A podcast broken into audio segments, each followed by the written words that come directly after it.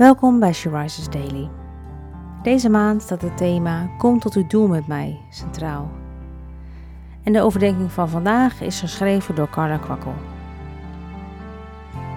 We lezen uit de Bijbel Efeziërs 3, vers 20 en 21.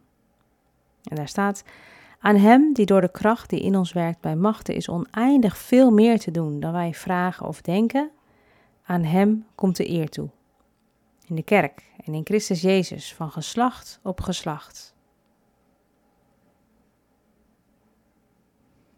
Deze tekst wordt door ons allemaal graag geciteerd. We worden erdoor opgebouwd. Het bemoedigt ons en tilt ons uit boven onze omstandigheden. En terecht, want het is zo waar. Onze God kan alles en Hem alleen komt de eer toe. En het is ook een tekst die we graag citeren in ons gebed. Heer, u weet wat wij nodig hebben. U kunt doen boven bidden en denken. Wilt u? En dan leggen we onze vragen en noden voor Hem neer. En dat mag. God is een God die gebeden wil zijn. Maar toch valt er meer te zeggen over deze Bijbeltekst. Wanneer we het hele hoofdstuk lezen, dan zien we dat deze tekst niet alleen gaat over vragen en noden. Ja, God kan verrassende verhoringen geven. Maar soms gaan dingen heel anders dan we hadden verwacht dan deze, van deze tekst. En dan lijkt er geen verhoring te komen. Maar gaan we door een donker dal. En dan roepen we het uit: Heer, hoezo? Is dit vers dan niet waar? Ja, Gods woord is waar. En dit vers is waar.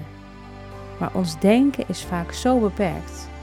En wat God doet, gaat ons menselijke verstand te boven.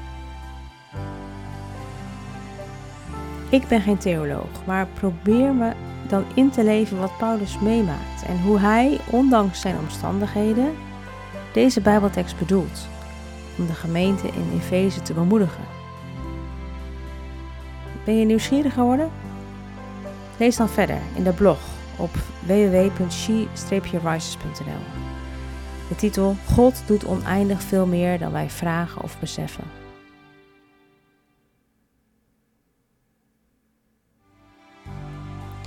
Je luisterde naar een podcast van She Rises.